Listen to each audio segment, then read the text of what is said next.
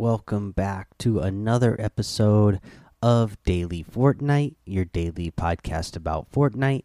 I'm your host, Mikey, aka Mike Daddy, aka Magnificent Mikey.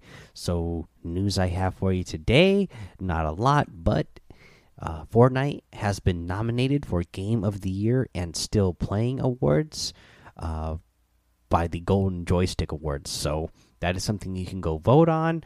Uh, if you feel like Fortnite is still your game of the year, and obviously if you're still playing it, it's two years old now. So if it's something that you're still playing and still playing uh, more than any other game, like that would definitely be a good award for it. So go make your votes.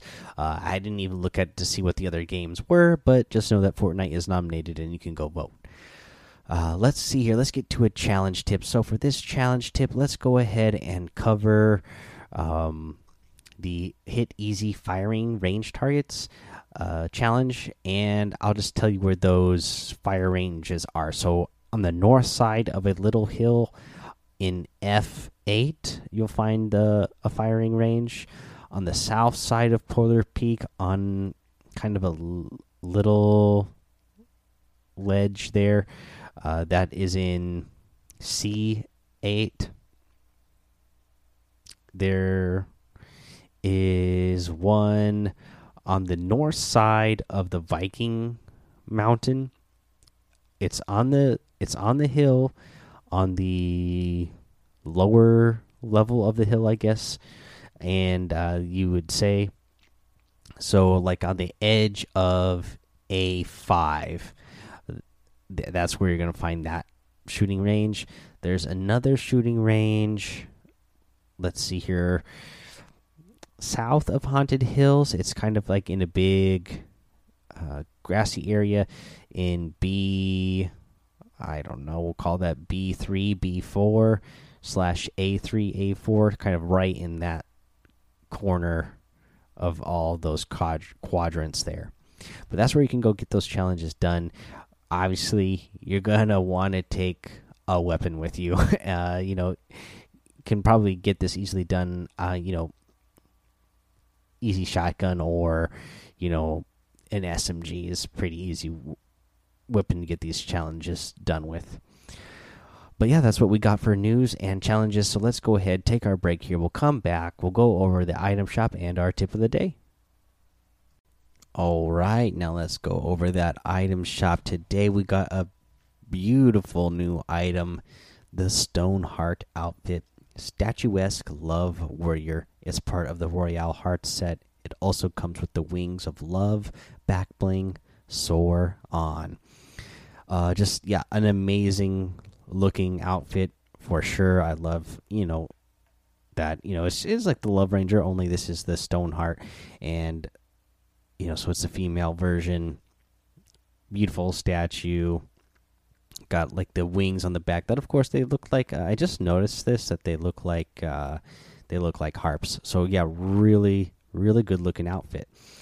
Um also have the cupid's dagger harvesting tool love hurts you know as part of the Royale heart heart set as well and let's see here what else do we get in the item shop today you're gonna get the Nitebeam outfit the flare outfit the splintered light harvesting tool, the Mega Bat glider, which you know is a glider that I totally love. And you know, if you're a big Batman fan like me, and you got the Batman outfit, this one definitely would fit in with that theme.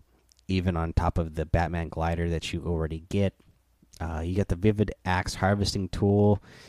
Uh, in the daily items, we got the Slurp Wrap, the Flutter outfit, the mind blown emote, the vibin emote, and the new emote uh, to that would that does go great with the statue or with the Stoneheart outfit. This emote is statuesque, so lifelike, and your character stands up on one foot on his tippy toes, and just yeah makes just really good statuesque pose. It's like the T pose type of thing, though. You, you, get your character gets a little bit tired and starts to look around, uh, and or you know, kind of like the uh, the the prickly emote as well when you look like a cactus. You can't hold that still for that long, so you got to move around a little bit. But I love the music in that one as well. It's got that real, you know, ethereal ambient music going on in the background. So uh, I I really like that emote actually. Uh, also, we of course still have the battle pass tiers, ten tiers for and 500 XP for 600 V bucks. Hopefully, you just took advantage of having double XP this weekend. I know I did. Had fun playing with a lot of you guys in the community playing Zone Wars uh, today, so uh, hopefully we'll be able to make that happen more often in the future.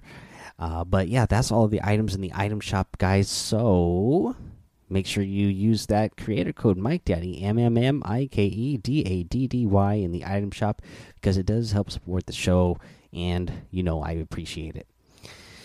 Now let's get into our tip of the day. I just mentioned Zone Wars.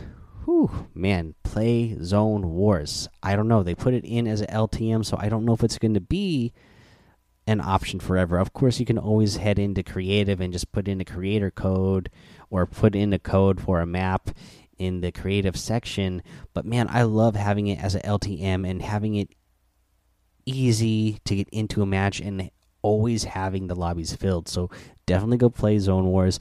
The tips I have for you for Zone Wars, uh, you know, a lot of these, uh, you know, you or in all of these, you're starting out in an isolated room by yourself.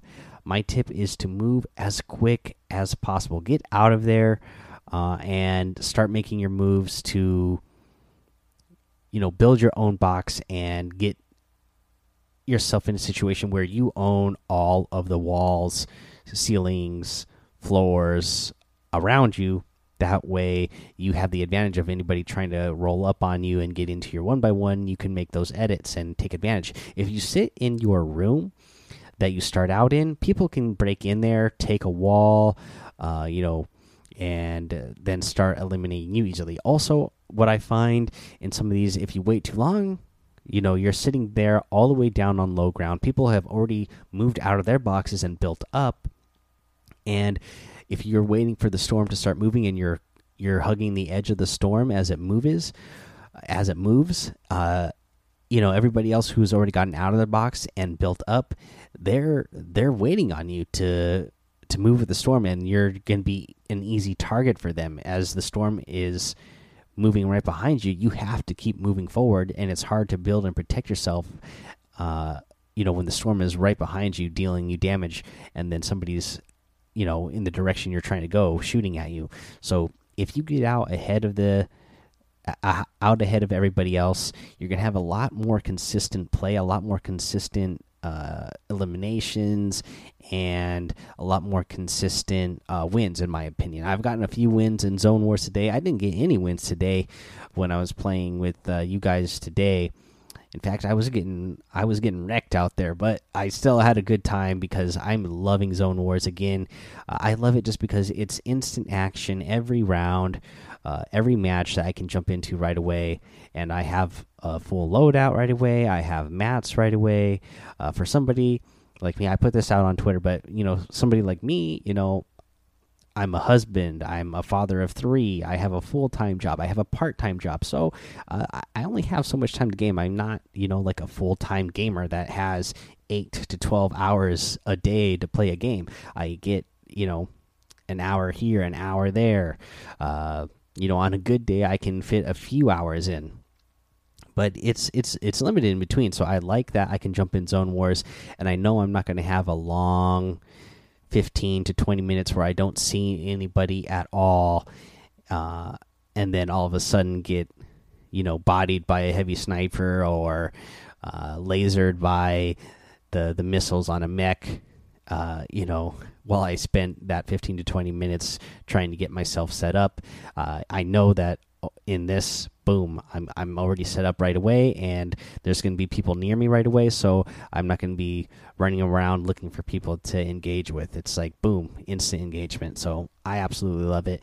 Hopefully you guys are loving it because uh, that's the tip I have for you today is to get in there, play it, and uh, you know just be aggressive when you're in there. Because also the other thing is if you're somebody who's not a creative warrior, because I'm not, um, this is your chance to get in there and practice against a bunch of other people in a small confined area where you're like it would be in a actual game in a moving storm and practice your editing and building and having to do that quickly and make decisions quickly. So uh, you know if you're just sitting down there in your little box that you start out in you're not really you know you're not really making any improvement.